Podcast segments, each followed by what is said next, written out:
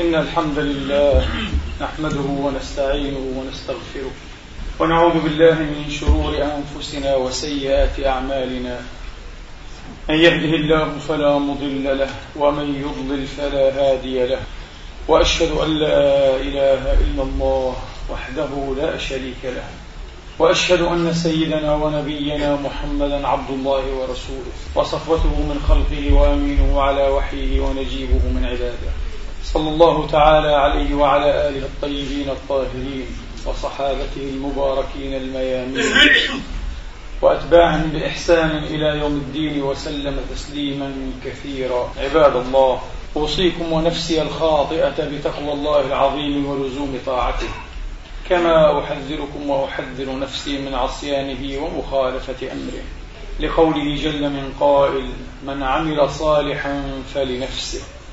ومن أساء فعليها وما ربك بظلام للعبيد.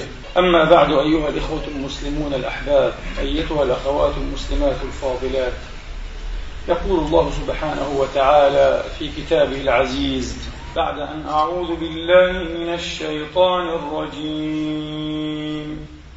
بسم الله الرحمن الرحيم. لقد تاب الله على النبي والمهاجرين والأنصار والأنصار الذين اتبعوه في ساعة العسرة من بعد ما كاد يزيغ من بعد ما كاد يزيغ قلوب فريق منهم. ثم تاب عليهم إنه بهم رؤوف رحيم. وعلى الثلاثة الذين خلفوا حتى إذا ضاقت وعلى الثلاثة الذين خلفوا حتى إذا ضاقت عليهم الأرض حتى إذا ضاقت عليهم الأرض بما رحبت وضاقت وضاقت عليهم أنفسهم وظنوا أن لا ملجأ من الله. وظنوا أن لا ملجأ من الله إلا إليه. ثم تاب عليهم ليتوبوا. إن الله هو التواب الرحيم. يا أيها الذين آمنوا اتقوا الله وكونوا مع الصادقين. يا أيها الذين آمنوا اتقوا الله اتقوا الله وكونوا مع الصادقين. كان لأهل المدينة ومن حولهم من الأعراب أن يتخلفوا أن يتخلفوا عن رسول الله ولا يرغبوا ولا يرغبوا بأنفسهم عن نفسه. ذلك بأنهم لا يصيبهم ظمأ ولا نصب ولا مخمصة ولا مخمصة في سبيل الله ولا يطعون موطئا ولا يطعون موطئا يغيظ الكفار ولا ينالون من عدو نيلا إلا كتب لهم به عمل إلا كتب لهم به عمل صالح. إن الله لا يضيع أجر المحسنين. ولا ينفقون نفقة صغيرة ولا كبيرة ولا ولا يقطعون واديا إلا كتب لهم ليجزيهم الله أحسن ما كانوا يعملون. صدق الله العظيم. وبلغ رسوله الكريم ونحن على ذلك من الشاهدين. اللهم اجعلنا من شهداء الحق القائمين بالقسط آمين. اللهم آمين. أيها الإخوة الأحباب أيتها الأخوات الفاضلات إن مما يفرق بيننا وبين العالم المتقدم أو المتحضر أنهم يحيلون أي ركام من المعلومات والمعطيات إلى علم أو إلى ما يشبه أن يكون أحيانا علما مع أن تراثنا الإسلامي أيها الإخوة قد يكون أكثر خصبا وأكثر ثراء وأكثر مذكورية بمثل هذه المعطيات والمعلومات. لكنها تبقى في النهاية ومن أسف مجرد ركام مهوش غير منتظم لا ينظمه ناظم أيها الإخوة. ولذلك لا نفلح في التعاطي مع هذا التراث فضلا عن أن نفلح في تفسيره تفسيرا علميا مقبولا يمكن تعميمه أو يمكن عولمته. للأسف. الآن أيها الإخوة لو أردنا أن نحصي أسماء العلوم هنا في الغرب يستحيل. يستحيل على فرد واحد أن يقوم بهذا المهم. يستحيل. ليست عشرات. أكثر من مئات أيها الإخوة. إنها مئات العلوم. في العلوم التطبيقية والبحثة أيها الإخوة هناك قريب من 200 علم. علوم. كل شيء يستحيل علما. علوم متخصصة أيها الإخوة. بعضها له كراسي في الجامعات أيها الإخوة. لكن هناك مئات من المتخصصين الذين يفنون أعمارهم في تأسيس وترسيخ وبسط ومد شعب هذه العلم هل تتصورون مثلا أن الكذب له علم؟ هناك علم اسمه علم الكذب علم متخصص فقط في الكذب يعني مبحث الكذب أيها الإخوة في البداية كان ماذا؟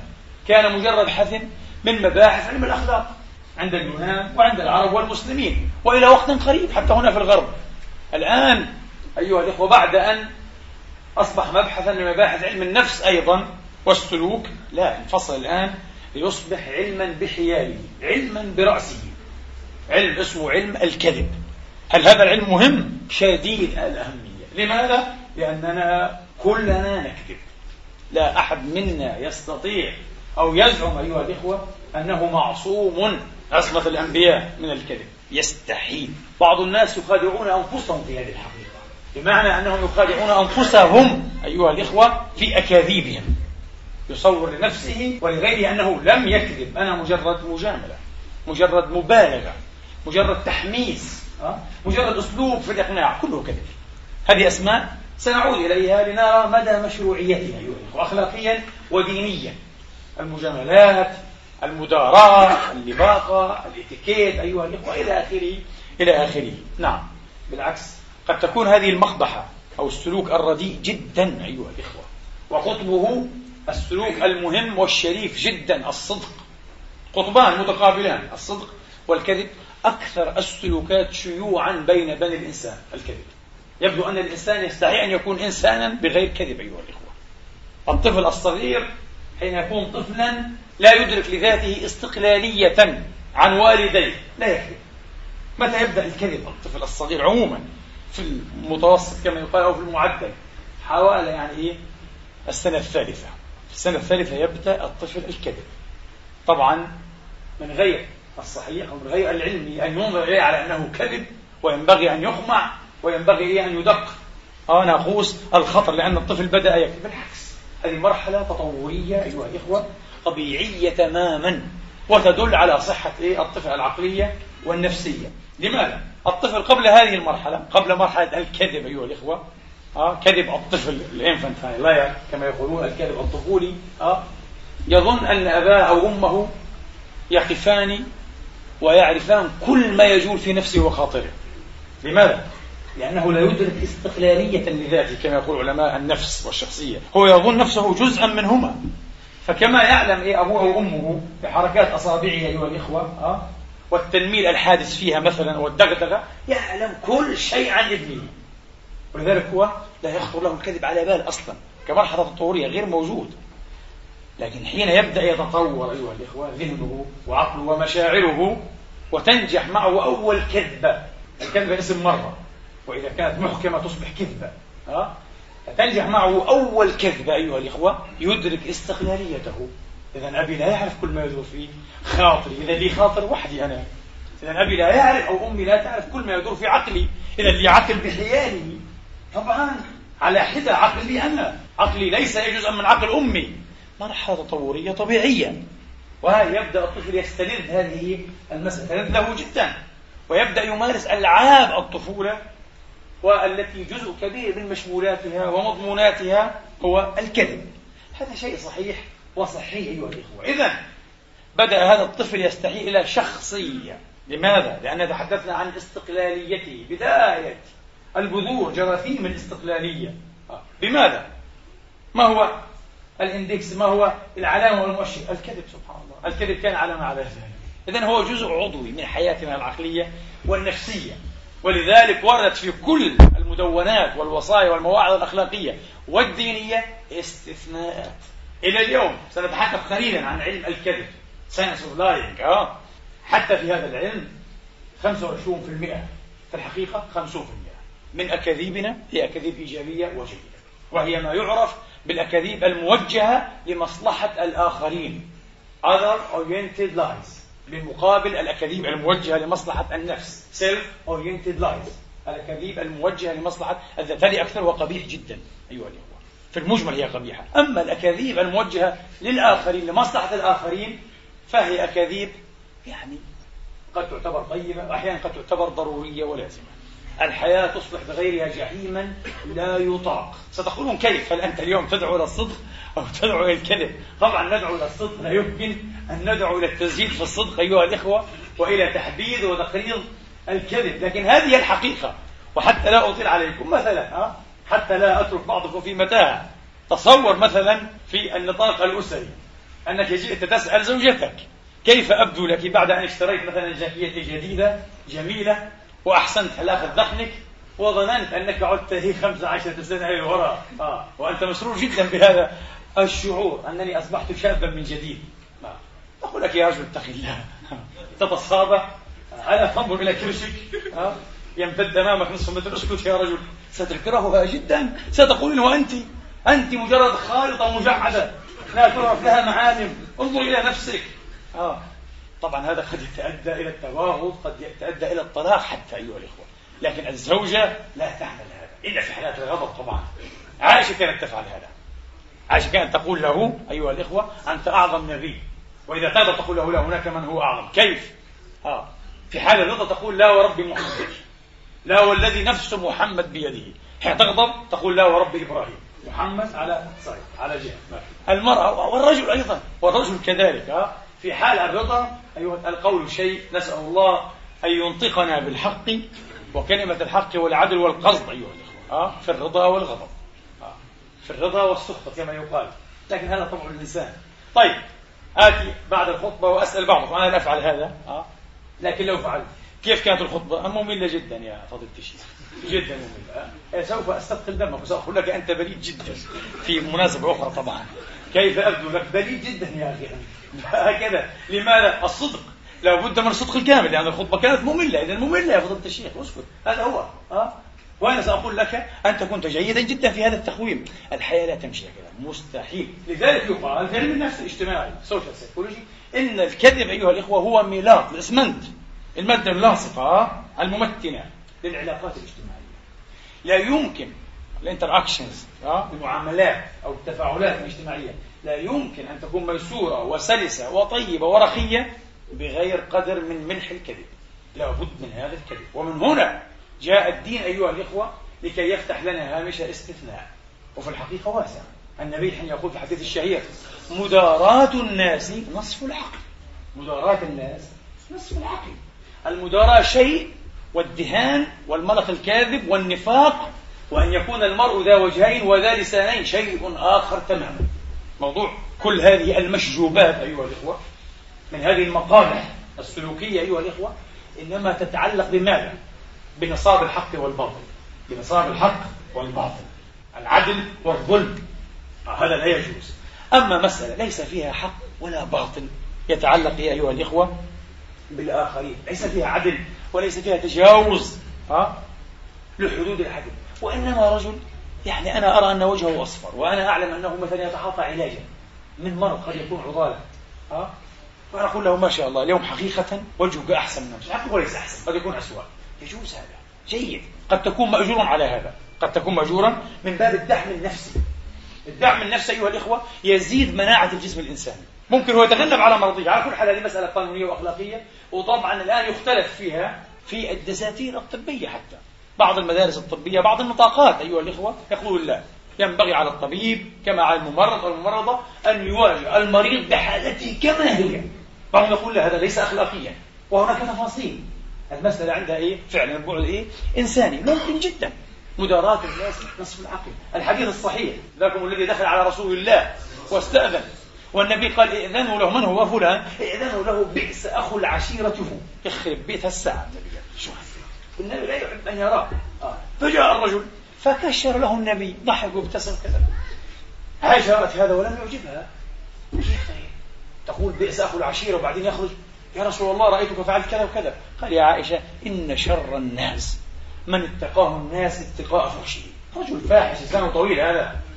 لو رددته سيبدأ يتكلم في عرضي وفي أمانتي وفي نبوتي. وأنا مش ناقص مشاكل. فعلا. هذا من المدارة. النبي لم يقل له إيه؟ شيئا أيها الإخوة يبخس إيه؟ حق أحد. لم يقل له شيئا يحيل الحقيقة إيش؟ إلى ظلام. ها؟ وإلى باطل. أبدا أبدا وإنما جامله مجاملة لما يترتب عليه أي مضرة بالعكس ترتب عليها منفعة. أنه كما يقال تألف قلبه استلان جانبه. جائز. هذا بالعقل. مداراة الناس نصف العقل والاقتصاد نصف العيش. هكذا النبي يقول في حديث الخطيب البغدادي رحمة الله عليه. والمعنى بلا شك مقرر وصحيح.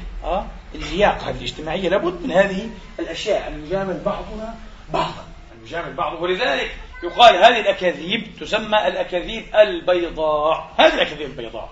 ال white lies الأكاذيب البيضاء. وهي في مجملها أيها الإخوة موجهة إلى مصلحة الآخرين. الأكاذيب البيضاء موجهة. إذا كانت موجهة لمصلحتك أنت ليست هي أكذوبة بيضاء. لا يمكن أن تفلت كما يقال إيه؟ من العقاب وأن تمر بجريمتك أو بجنحتك وتقول لي بكذبة بيضاء. لا هذه كذبة سوداء. هذه كذبة سوداء. إن عليك أن تتحمل مسؤولية إيه؟ ما جنت يداك. من الأقوال والأفعال والمسالك.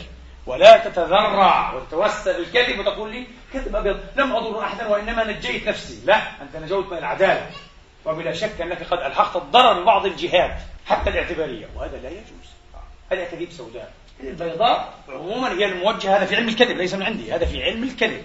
الأكاذيب البيضاء موجهة لمصلحة الآخرين. قال عليه الصلاة والسلام في الحديث الصحيح ليس الكاذب الذي ينمي خيرا أو يقول خيرا. هذا يأتي يسمع من فلان كلاما في منتهى السوء والبؤس عن فلان.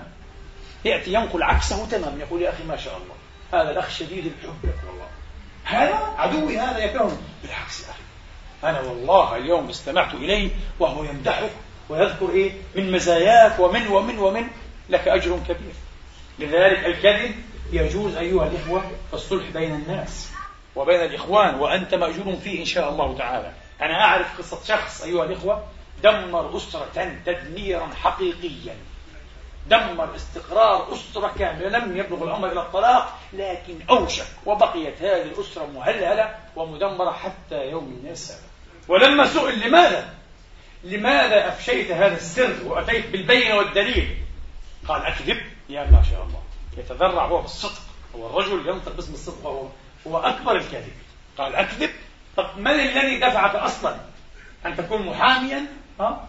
وأن تتبرع؟ هذا هذا هذا التطفل والتفضل. أن تكون فضوليا. فضولي. والعياذ بالله شرير. هو فضولي شرير. علم سرا أيها الإخوة؟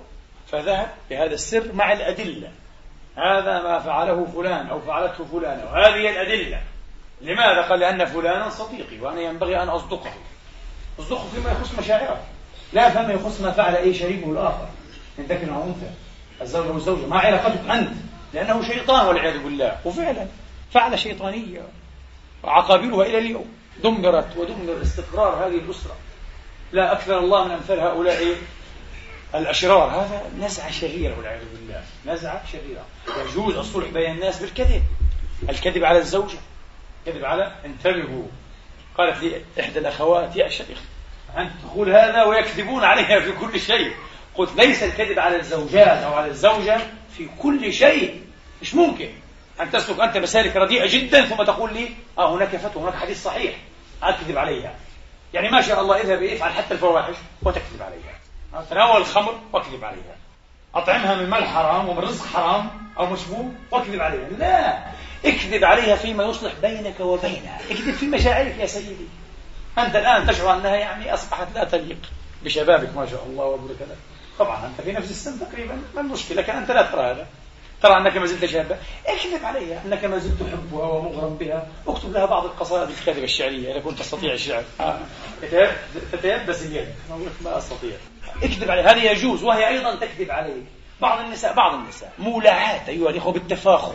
على فكرة في كذب تفاخري. في كذب. في علم الكذب اسمه الكذب التفاخري. نوع أنواع الكذب كثيرة جدا. صعب جدا إحصاؤها آه. لكن هناك الكذب التفاخري الادعائي وهذا موجود في الصغار وفي الكبار في الذكور وفي آه. الإناث أيضا كيف؟ آه بكم هذه الساعة؟ آه وهي ثمينة جدا جدا بكم يا سيدي؟ آه. آه تقريبا زواء 4000 يورو 4000 يورو كذب ادعائي هو اشتراها ب 400 أصبحت 4000 على كل حال ممكن أحيانا تكون 4000 أنا أعرف بعض الإخوة الطيبين آه. هو يعني يدعي إلى مرحلة ثم يتراجع وهذا جيد لا يرتاح ضميره بكم هذا الشيء؟ يقول لك ب 1500 يا رجل ثمين جدا هذا غالي يقول لكن في الاكسيون اخذناه ب 50 جيد جيد تراجع هو في الحقيقة ثمنه 1500 فعلا. لكن لا تفهمني أنك دفعت 1500 لا يجوز. آه. النبي يقول المتشبع بما لم يعطى في الحديث المخرج في الصحيحين. المتشبع بما لم يعطى كلابس ثوبي زور أنا أحفظ الصحيحين هو لم يقرأ الصحيحين. لماذا تقول أحفظ الصحيحين؟ أنت لم تقرأهما حتى. يريد أن يتشبع بما لم يعطى يعني محسوب على العلماء على المحدثين على الحفاظ أه؟ أنا أحفظ عشرين جزء من كتاب لو يحفظ إيه عشرة لماذا؟ أصبحت عشرين ادعاء. نوع من الفقر النبي قال كلابس ثوبي زور لا تلبس الزور مرتين لا تلبس الزور مرتين. طبعا يا إخواني حين يتحدثون عن أضرار الكذب أضرار كثيرة جدا جدا. أولها الضرر العصبي على مستوى جهازك العصبي يقولون الكذب وإدمان الكذب أيها الإخوة ومزاولة هذا الكذب باستمرار قد تتأدى بالإنسان والعياذ بالله إلى ماذا؟ إلى إرهاق عصبي مزمن أعصابك نفسها إن غفر لك الناس إن خدعت الناس حتى إن غفر لك الله عز وجل ها؟ وما أراه أو ما أراه أظن أنه يغفر لمدمني الكذب وقد صح في الصحيحين وغيرهما ها؟ وإن الكذب لا يهدي إلى الفجور وإن الفجور لا يهدي إلى النار في حديث أبي بكر مرفوعا. الكذب مع الفجور وهما في النار. وإن الفجور لا يهدي إلى النار ولا يزال الرجل طبعا هنا الرجل يراد به إيش؟ خصوص الذكر. بمعنى المرء يعني الإنسان عموما. ولا يزال الرجل يكذب ويتحرى الكذب حتى يكتب عند الله كذابا. انتهى. مبسوط. وموصوف وصمة. إلهية. أنه من الكذابين والعياذ بالله. تخيل إنسان ينادى يوم القيامة بنعت ووصمة الكذاب الكذاب فلان ابن فلان. الله أكبر. فضيحة على رؤوس الخلائق وعكسه في الخطبة الآخرة الصديق حتى يكتب عند الله معروف. صديقة اللهم اجعلنا منهم. لكن هذا يريد جهادا واجتهادا يا إخوان. الكذب سهل جدا جدا. والصدق صعب. يريد اجتهادا وجهادا ها؟ والتفاتا وتيقظا دائما. ألا تغفل عن نفسك حتى لحظة. والله كل لحظة تغفل عنها ترتكب مصائب. نفس عجيبة هذه. مثل سمع شديد القوة أيها الإخوة ها والشراسة ومربوط بحبل الوهن. يريد دائما أيها الإخوة إيه أن تكون متلفتا متيقظا في كل لحظة ممكن إيه يفلت الزمام. وهذا ما يحصل مع الإنسان للأسف خاصة الإنسان غير معصوم. نسأل الله الحفظ والعناية والتسليم اللهم آمين. إذا أيها إيه الإخوة يتحدثون عن إرهاق عصبي مزمن يتحدثون عن الأرق الصمي يتحدثون عن القلق زيتي القلق والأرق. الذي يكذب كثيرا لا يستطيع أن ينام جيدا. لا يستطيع أن ينام كما ينام الناس. يصاب بالأرق السمنة يصاب بها حقيقة. ها؟ يصاب بسرعة الانفعال. شخص يعني أعصابه تبوظ في لحظات. انفعال شديد الانفعال غير ناضج على فكرة. الإنسان شديد الانفعال هو إنسان غير ناضج. انتبهوا نفسيا غير ناضج. أنا أقول هناك ما هو أخطر من كل ما ذكره علماء الكذب. ما هو؟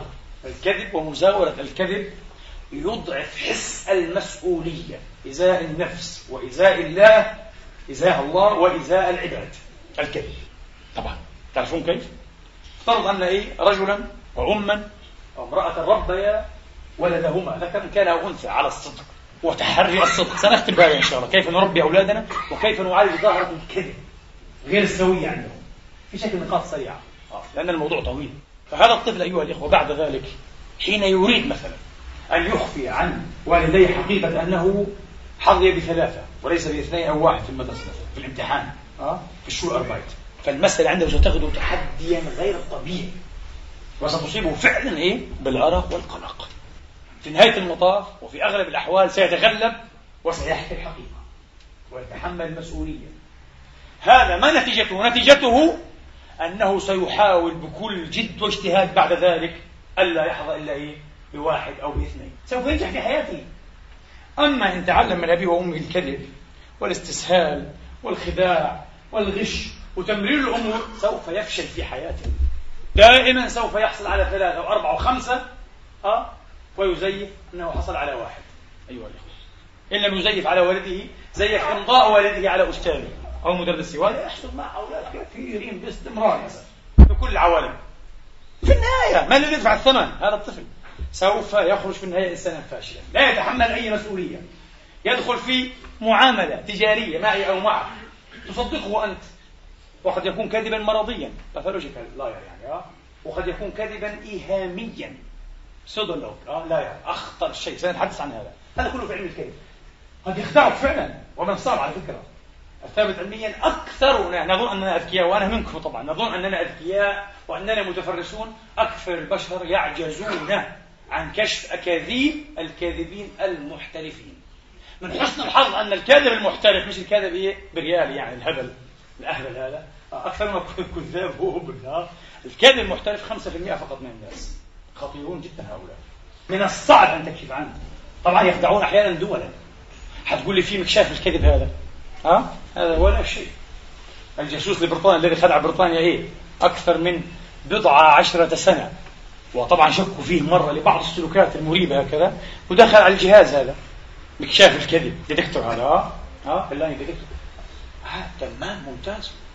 طبعا اكتشفوا بعد ذلك أن الإنسان بتدريب بسيط لا يتقاضى أكثر من عشر دقائق على يد مختص ينجو من أحسن جهاز مكشاف الكذب عشر دقائق فقط. انتبهوا. وجربت هذا علميا. عشر دقائق.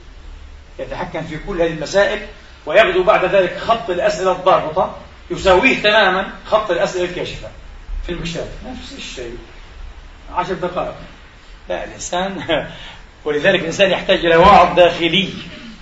من كان له من قلبه واعظ كان عليه من الله حافظ. الوعظ الحقيقي مش مكشاف الكذب ومش العقوبة ومش السجن ومش التقريع ومش التوبيخ. واعظ داخلي. هنا أهمية الإيمان. أهمية التقوى أيها الإخوة. أهمية السلوك الديني الصحيح الرصين الخالص والصادق. فعلا مهمة مهمة إلى درجة غير عادية. طيب إذا الذي أريد إيه؟ أن أقول 5% من الناس. أما باقي الناس يكذبون ومن السهل جدا إيش؟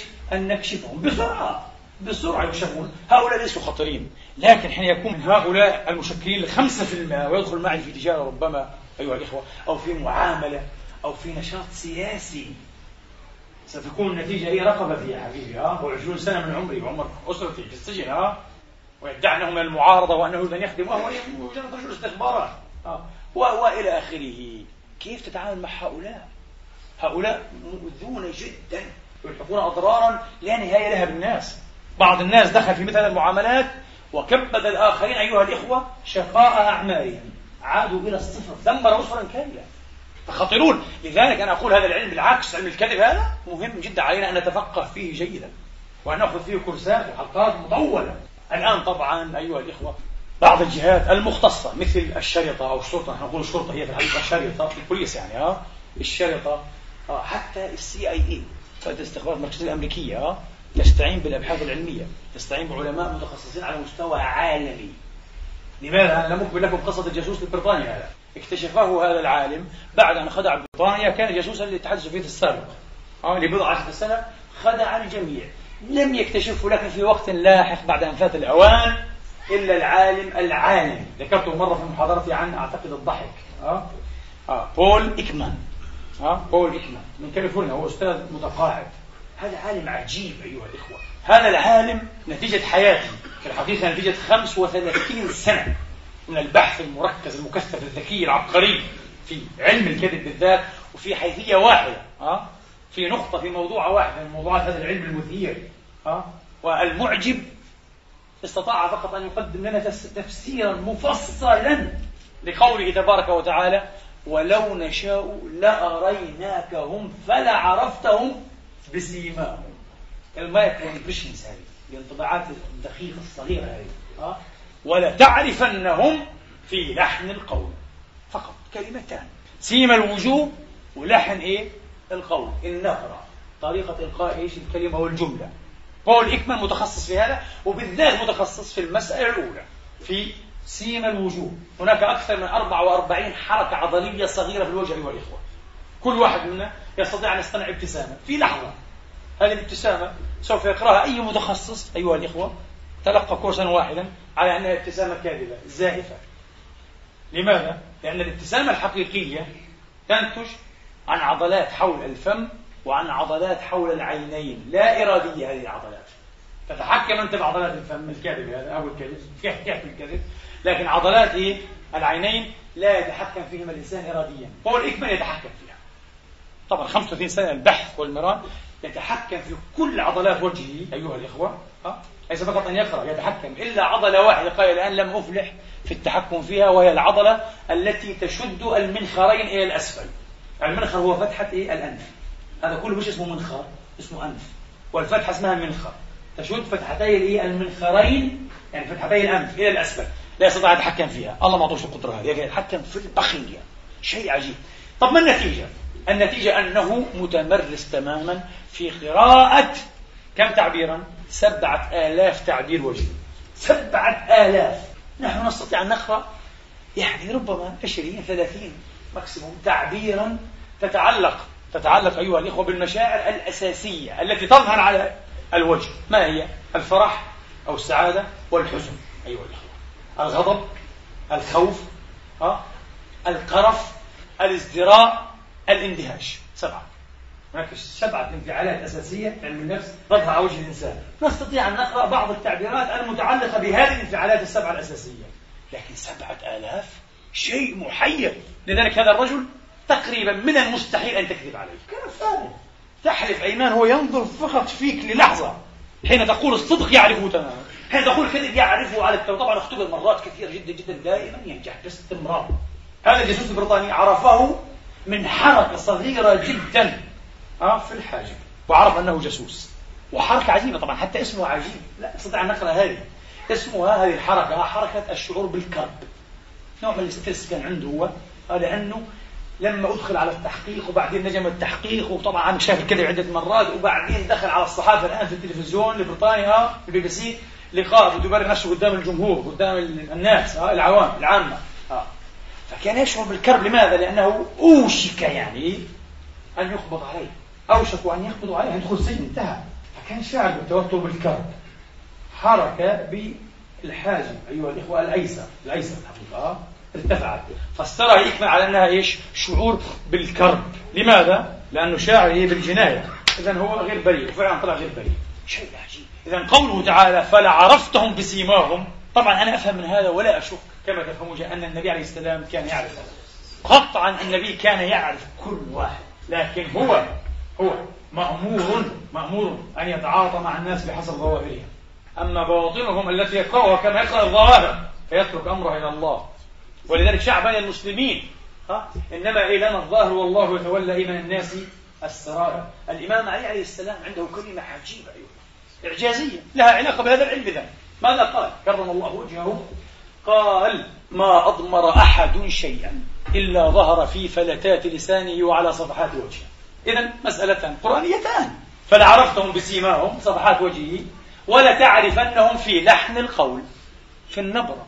أه؟ لا نعرف أنه يكذب هذا الرجل أه؟ مباشرة. الناس طبعا غير متخصصين في هاتين الموضوعتين إنما هم إيه؟ عندهم انطباعات أن الكاذب مثلا أه لا يستطيع أن ينظر في عينه انظر في عيني ينظر في عينه الكاذب. المحترف؟ ينظر في عين سيجموند فرويد يا حبيبي. عشر ساعات ويخدعه. ينظر في عين مكشاف الكذب في عين جهاز الاستخبارات آه ويخدعهم جميعا. خدعهم لسنوات. شو ينظر في عينه؟ هذا متمرس. ولذلك أيها الإخوة عودا على بعض التقسيمات. هناك الكذب العادي. تقريبا كلنا نقع في الكذب العادي مرات لماذا؟ لماذا نكذب أصلا؟ الأسباب كثيرة جدا. على فكرة في علم الكذب تكاد تكون أسباب الكذب هي أنماط الكذب. هي لما نقول الكذب مثلا إيه؟ للحماية لليال أو للفرار من العقاب. اذا إيش سببه؟ الخوف من العقاب. طيب هكذا. الكذب لتحصيل منافع. هذا نمط اسمه إيه؟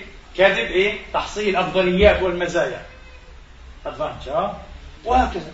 تكاد الأسباب تكون هي الأنماط. طبعا أكثر الناس يكذبون اولا أيها الإخوة يكذبون فعلا تهربا من العقاب. Punishment يتهرب إيه؟ من العقاب. وهذا شيء رديء وسيء جدا جدا. لماذا؟ لأنهم لو تعلموا الصدق لما أخطأوا أصلا حتى يضطروا إلى الكذب ليتجنبوا العقاب. كما يقول مثل عام المسلم ومثل حكيم جدا. امشي علم يحتار عدوك؟ فيك حتى لو تربص بك طبعا أحسن ما يكونش عدوي استخباراتي عربي. هذول بيأخذوا أكبر بريد السجن عادي من غير محاكمة. لكن لا العدو العاقل. والله هذا اصبحنا في حيرة. لا العدو العاقل. العدو العاقل عنده عقل يا أخي وعنده عدالة وعنده قانون. امشي عدل حيحتر فيك. وإن كان طبعا مو عينه أن يضعك في ألف سجن. بس أنت عدل. في بلادنا لا في عدل لا في مال. كله حسب حسب رغبتهم والعياذ بالله. ولذلك انظروا إلى الحياة بغير قانون. انتبهوا. انظروا إلى الأمم بغير إيه؟ بغير عدالة كيف يمكن أن تعيش. فوضى مخيفة. فوضى كابوسية مش كارثية. كابوس متصل أقسم بالله عمرك تعيش كابوسا متصلا. يوم يؤخذ مؤسس حزب كبير ودكتور أيها الإخوة ورجل ناشط سياسي وواعي وتخلع ملابسه بالكامل ويضرب ضرب البهائم أيوة ويدمى ويترك هكذا. في مكان منعزل لتأكله الذئاب أين يحصل هذا؟ مش إنسان مجرم مش قاتل مش سراق آه مش خلية. رجل سياسي عالم كبير عنده حزب عنده صحيفة يقرأها الملايين. يفعل به هكذا بكل بساطة. ثم يقال حقوق الإنسان مكفولة عندنا. المنظمات الملعونة هذه ها؟ منظمات حقيرة تعمل للصهيونية العالمية. يا أخي اسكتوا اسكتوا. بلا استغفال بلا استغفال يستغفرون الناس. ما هي الاستغفال؟ هذه الحقائق الفاقعة هذه الحقائق. لكن عشان هيك هذا المثل باطل في بلادنا يمشي عدل لا ما يحتاج عدوك فيه هو غير محترم بل نحن المحترمون. نحن في حيرة حقيقية. هم ليسوا في حيرة. أمورهم واضحة تماما. والعياذ نسأل الله يبدل الحال بخير من هذا هذا الواقع. طيب أيها إذا تجنبا للعقاب لذلك حتى إذا نتكلم بطريقة إيه؟ يعني مذهبية ومنهجية سيستماتيك نتكلم بطريقة خطبية أيضا. نستغل هذه النقطة. إذا أردت ألا تعود أولادك على الكذب قلل قدر المستطاع من حجم ومرات العقوبة. أسلوب العقاب المستمر هذا على كل شيء عقاب عقاب عقاب. مش شرط عقاب اي حتى بدني. لا عقاب بمنع المصروف. عقاب إنه ما يحتاج اليوم الفيلم. عقاب إنه يروح ينام بدري قبل ثلاث ساعات. عقاب يلزم بيته خمس ساعات. عقاب عقاب عقاب عقاب. كل شيء عقاب غير صحيح. العقاب المستمر وخاصة إذا كان غير متلائم. أنا أقول لك استمراريته تؤكد أنه غير إيش؟ غير متلائم حقيقة. مهما كان هذا طفل يا أخي يعيش نوعا من الفوضى نوعا من الانطلاق نوعا من الإثارة. أعطيه مجال أعطيه مجال. لا تتبع كل العورات كل الأخطاء كل التجاوزات. طفل يا أخي تربى الطفل أن يعيش منضبطا كالكبار حتى الكبار غير منضبطين هل نحن منضبطون تماما يعني؟ ولذلك يقال آه، نعم من يعني من رؤوس أساليب وآليات. مقاومة كذب الأطفال تقليل العقاب punishment reduction تقليل العقاب قلل العقاب وليكن عقابا معقولا ومتناسبا مع إيه؟ مع الجنح أو إيه؟ أو الخطأ الذي قام به طفلك. هذا شيء مهم. إذا هذا موضوع العقاب. الناس يكذبون لكي لا يعاقبوا الناس يكذبون أيها الإخوة بدافع من الشعور بالنقص. يا ما رأيت. أه؟ وسترى أيضا من يدعي مثلا أن عنده كذا وكذا وكذا من الشهادات وأن أباه عنده كذا وكذا من الملايين وأن جده كان في المنصب السياسي هو فارغ خلو من كل هذا. تكذب يا أخي. أنت ابن نفسك وابن عملك يعني. لا يشعر بالنقص المسكين. يريد أن يكمل نفسه بأكاذيب بعض الناس بلغنا أنهم يأتون هنا إلى مرسيدس اس كلاسي 2008 ممكن يتصور عندها يبعث صورة لأهله صورة مرسيدس هذا في الجنة. إيش؟ لماذا؟ ياتي عند فيلا ضخمة هي حقها 500 سنة ولا مليون 500 ألف يورو بتصور الفيلا تبعتي بعطيها لأصدقاء وجيران وكذا كذا إنه هاي بنتي في الجنه لماذا؟ شعور بالنقص غير صحيح. يريد أن يقول لم أفشل أنا. أنا كونت ثروة كبرى في النفس. آه لي 20 سنة ونجحت. النجاح هو نجاح الاستقامة. لك 20 سنة ولم تستحي إلى إيه؟ إلى إنسان منفرد وإلى إنسان منحل وإلى إنسان نصاب. ولم تعمل جاسوسا لدولة أجنبية على بلدك. ولم أحسن نجاح هذا. ولم تشحن لم تمد يدك إلى الناس. هذا كافي. مش لازم كلنا نكون أصحاب ملايين أه؟ أصحاب سيارات وفيل واصحاب شهادات علم مش لازم. التميز عفوا له إيه؟ موازين أخرى. في راسها الاستقامة في رأس هذه الموازين. في ناس يكذبون بإيه؟ بهذا الدافع مثلا إذا هذا كذب إيش؟ ادعائي كذب ادعائي في كذب أيها الإخوة للأسف كذب مرضي. نذكر إيه؟ الأنواع العادية المعروفة هذه. في كذب مرضي. الكذب المرضي هذا والعياذ بالله pathological يعني. تقريبا الشخص يكون كالمكره لا يستطيع. كأنه في قوة خفية لا شعورية آه، تدفعه إلى مواصلة الكذب. الكاذب الماهر يقولون ال clever هذا لا يرى آه، الكاذب الماهر الحاذق يصدق طوال الوقت وفي أوقات استثنائية حين يرى نفسه كالمضطر أن يكذب يكذب. عشان يرجي نفسه أو إيه؟ أو يحتاز بعض الأفضليات. هذا اسمه الكاذب الماهر العادي. الكاذب المرضي على العكس تماما يكذب طوال الوقت. بسبب وبغير سبب والعجيب أنه قد يكذب حيث ينفعه قول الحقيقة. لو قال الحقيقة أحسن له. ولا مش حيقولها حيكذب برضه. آه هو حالف يمين أن يكذب. آه. صدق في يمينه هذا فقط آه. مسكين هذا كاذب مرضى بسموه. في عنده مشكلة في دماغه هذا في سلوكه. لا المشكلة في الحقيقة عشان نكون صادقين مش في الدماغ آه المشكلة في النشأة. يقول لنا علماء النفس هذا رسائل الآباء والأمهات لنا بأمثالنا يقولون السبب أن هذا الكذب المرضي يكون نشأ في أسرة متوترة ومفككة. نزاعات بين الأب والأم بين الإخوة الكبار. ربما حتى في العائلة الممتدة مع العم مع الخال مع الكلب مع الجد. مشاكل باستمرار على التلفون ووجاهية إلى آخره. ممكن كتابية ممكن شفهية. قصص ممكن تصل إلى الطلاق. وأيضا مثل هذه الأسر المفككة المتوترة أيها الإخوة أكثر من 90% دائما تبلور مواقف خداعة وغير مستقرة إزاء الخارج إزاء الجيران والأصدقاء والآخرين باستمرار. والطفل يعيش في كل هذا الجو مسكين هذا ضحية. فهذا حين يكبر يكون كاذبا ماذا؟ مرضيا بسبب هذه النشأة السيئة جدا جدا. على فكرة إلحاح الأبوين أيها الإخوة. إلحاح الأبوين المبالغ فيه أحيانا بشكل هوسي. بشكل إيه؟ هوسي. على أن يكون ابنهما إيه؟ ابنهما مثالا. آه Vorbild يعني. مثال حقيقي. ولذلك يلاحقانه في كل كلمة. عيب يا ابني. ألم نقل لك البكذب الله بيحب النار؟ غلط هذا كذب يا ابني. يا ابني هذا كذب. يا ابني. للأسف يحيل الولد؟ إلى كذاب مرض. دمرته. أنت لم تعالجه بهذه الطريقة. اترك يا أخي. في نوع كما قلنا من الكذب آه نوع صحي. خاص في الأطفال في حياة إيه؟ الأطفال. يعني مثلا كل أطفالنا تقريبا يكذبون ما يعرف إيه؟ بكذب الولاء. لوي آه؟ كذب الإخلاص الكذب المخلص. إيش هو هذا؟ طبعا. لكي يحبب لك إيه؟ ابنك فلان أنه يحبك أكثر إيه؟ من أخيه. فيكذب. ويدعي أشياء غير صحيحة. لكي يحظى بقلبك أكثر. هذا اسمه كذب الإخلاص؟ إيش ذنبه؟ ذنبه أنه يحبك. طبعا عنده جانب استحواذي. بص آه؟ شو استحواذي؟ يريد أن يستحوذ وحده على قلبك هنا يصبح الكذب مرضيا أيضا. خطير بده علاج. آه؟ أو يستحوذ على بعض المقتنيات والأشياء. لكي تعطيه مصروفا أكثر. وتعطيه أشياء أكثر. ويأخذ هذه اللعبة له وحده وهكذا. هذا جانب الاستحواذي يكذب الإخلاص. موجود أه. لكن مثلا خاصة فيما دون سن الدراسة. الأطفال الصغار يا إخواني وأخواتي قد يكذبون كما قلنا كمرحلة هذه. تقتضي هذا الكذب اللي خصوبة الخيال. الطفل في سن الرابعة الخامسة ينشط خياله جدا. وطبعا لأنه طفل على فكرة أه؟ أحيانا لا يستطيع أن يميز الخط الفاصل بين ماذا؟ الخيال والواقع. يختلط عنده خيال بالواقع أنا استمعت مرة وستضحكون إلى أديب. لا أذكر أي دولة. أديب كبير يعني آه، مش شهير لكن كبير وشاعر ومؤلف. آه. ولكن المسكين تورط ورطة أضحكت الذي يعني يجري اللقاء معه ولكن التمست له عذرا. أنا حللت نفسيا عادي رجل عادي مسكين ماذا يقول؟ خرج ويا ليته ما خرج. من مكتبه مع هذا الذي مع أحمد الزين. خرج مع أحمد الزين حتى إذا خرج من الغرفة غرفة المكتبة. قال له تذكر يا أستاذ أحمد؟ قال ماذا؟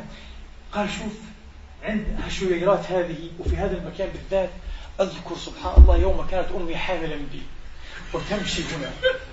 قال له ماذا؟ تذكر أمك تمشي هنا وأنت في بطنها؟ المسكين صار محرجا وضحك أحمد الزين هذا. وقال لا يعني لا أنا لا يعني أي واحد عادي قد يقول هذا يكذب هذا شاعر كذاب. لا ليس كذابا. مشكلته أنه شاعر. مشكلته أنه شاعر. والشاعر المطبوع المولود غير الشاعر المصنوع. يبدو أنا أرجح. أنا لم أقرأ شعره يعني لم أقف على ذلك لكن يبدو أنه شاعر مطبوع أيضا. لماذا؟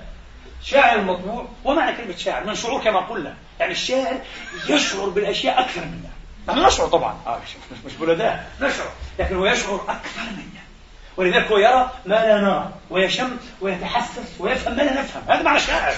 عظيم الشعور. قطعا هذا الشاعر المسكين المتورط في البرنامج حين كان طفلا صغيرا حدثته أمه تعرف يا ام يا ام يا حبة عيني حين كنت أنت في رحمي في بطني كنت أمشي فيك في هالناحيه وطبعا هو أحال هذا الخبر إلى ماذا؟ إلى صور. images صور. عاشها وعاد إنتاجها أيها الإخوة ودمجها في الحقيقة الواقعية. وحين كبر دائما ظلت تعاوده ايها الاخوه وخزنت على أنها إيش؟ صور حقيقية. وفعلا هو في دماغه يرى إيش أمه وهي تمشي فيه. اذا هو لم يكذب لا لم يكذب هذه مسألة تعود إلى إيه؟ إلى الطفولة وإلى إيه؟ خلاقية وخصوبة خيال الطفل يا إخوان. لكن انتبهوا الآن. هل هناك خطورة حين يأتي ابني ابن أربع سنوات أو خمس سنوات يقص علي حكاية طويلة؟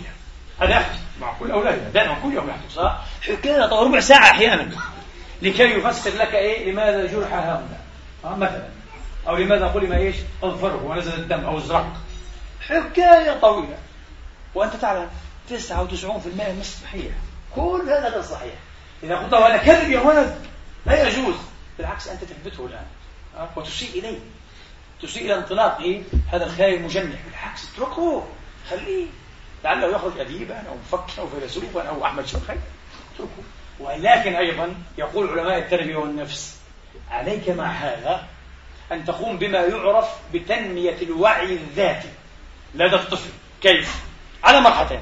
في المرحلة الأولى في المرحلة هي الأولى تقول له جميل قصة ممتازة رائعة جدا يا ابني ما شاء الله. ولكن يبدو أن هذه القصة يا حبيبي فيها بعض الخيال. بعد ذلك هو سيدرك أنك إيه؟ عرفت يعني. بعد ذلك تخطو معه خطوات لتساعده. على اصطفاء الأحداث الواقعية من الأحداث المتخيلة هذا اسمه أيضا في علم التربية اسمه رد الفعل أيها الإخوة أو الرجع الواقعي الريالي فيدباك اسمه هكذا في علم التربية خطوات مدروسة علماء يدرسون عشرات السنين أه؟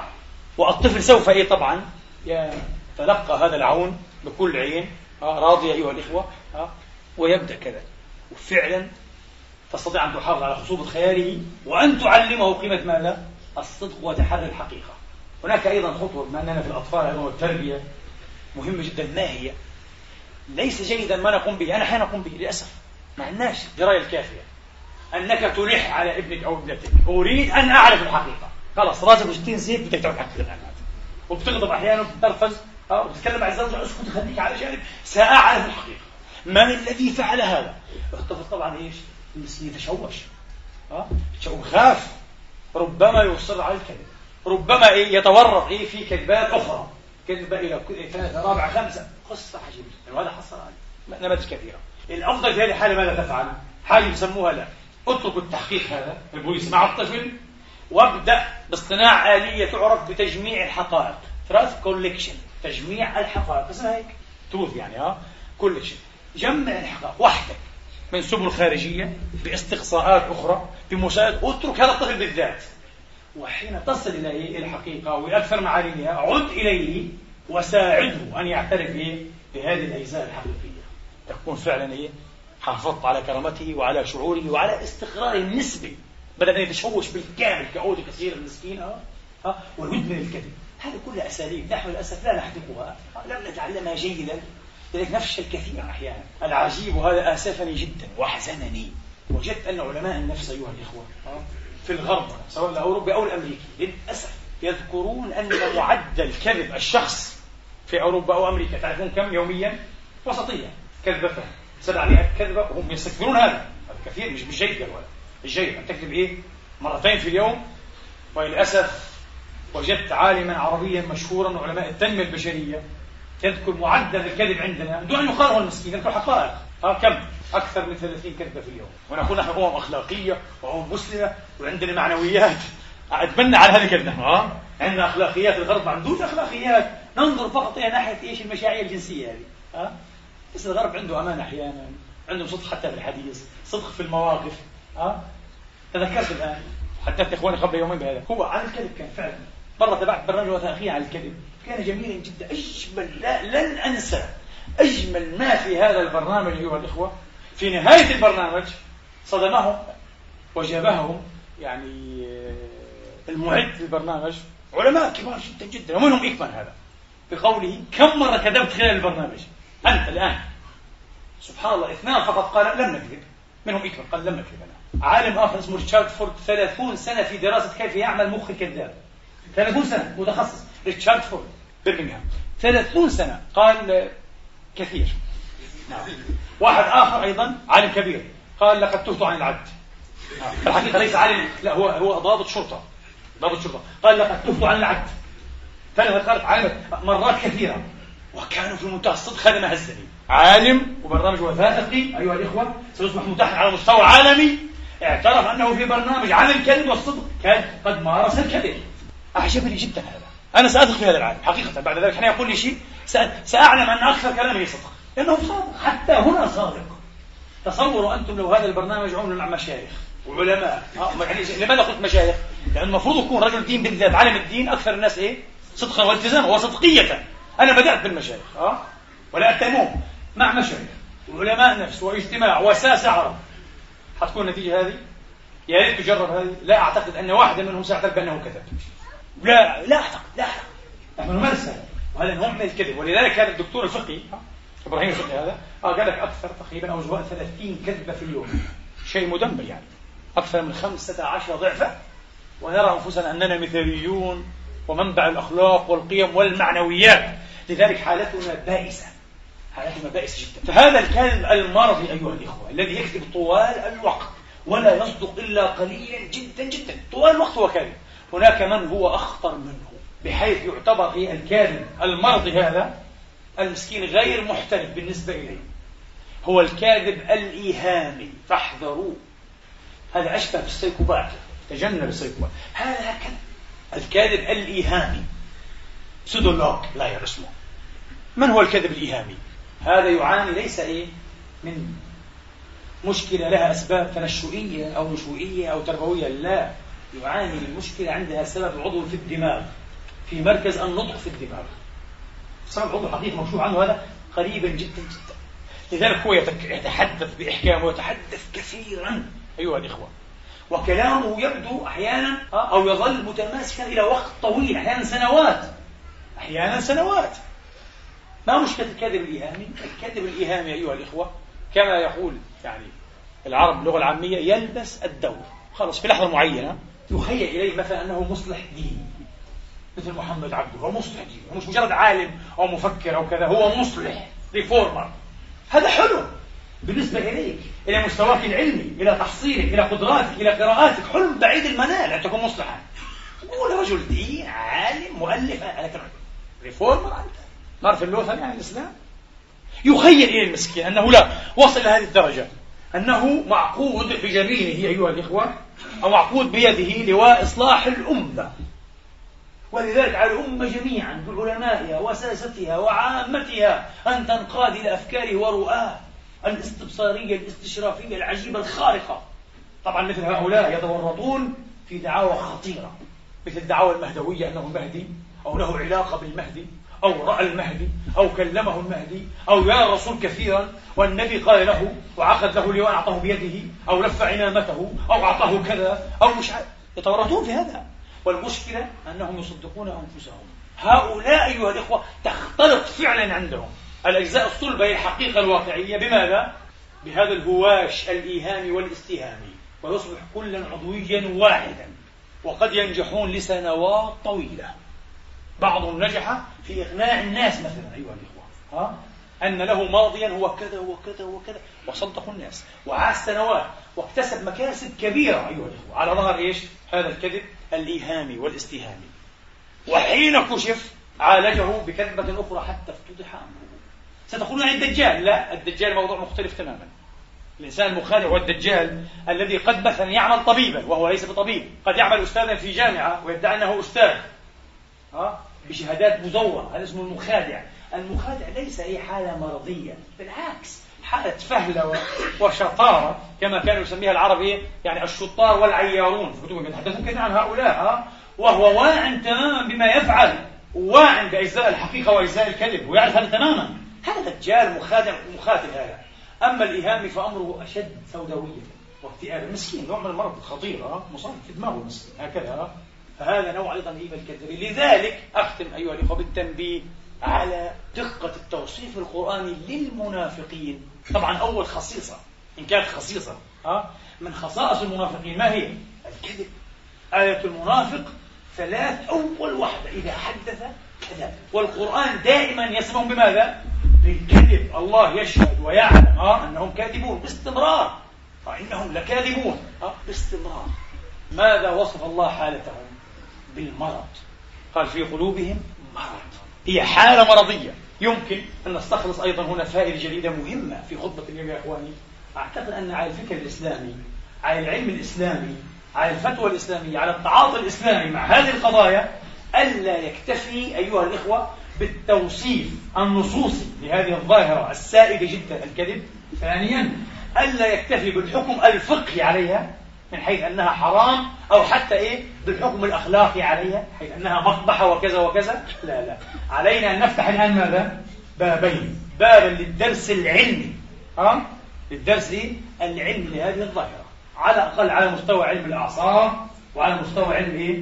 علم النفس مثلا. في البداية. وبعد ذلك بابا للإصلاح المؤسس على هذا الفهم العلمي. فقد يجدي هذا أكثر من مجرد وصم الناس ونعت الناس والدمدم عليهم بأنهم كذابون منافقون محتالون متملقون لأن الله قال والرسول قال. هذا مفيد لكن ليس يكفي. علينا أن نذهب خطوة أبعد في علاج هذه الحالات المرضية أو التي لها إيه؟ يعني أسباب مرضية. أقول قولي هذا وأستغفر الله لكم استغفر الحمد لله الحمد لله الذي يقبل التوبة عن عباده ويعفو عن السيئات ويعلم ما تفعلون. ويستجيب الذين آمنوا وعملوا الصالحات ويزيدهم من فضله والكافرون لهم عذاب شديد. وأشهد أن لا إله إلا الله وحده لا شريك له وأشهد أن محمدا عبده ورسوله. صلى الله تعالى عليه وعلى آله وأصحابه وسلم تسليما كثيرا. سئل صلى الله عليه وآله وأصحابه وسلم أي الناس أفضل أو أحب إلى الله يا رسول الله؟ قال كل صدوق اللسان مخموم القلب. آه.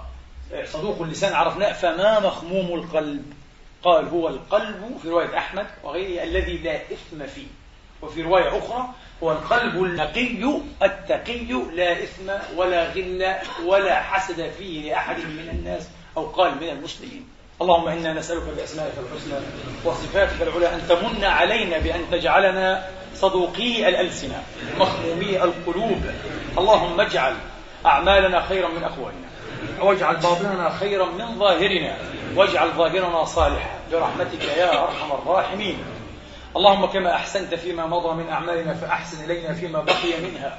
اللهم اجعل أوسع أرزاقنا عند انقطاع أسناننا وكبر أعمالنا يا رب العالمين.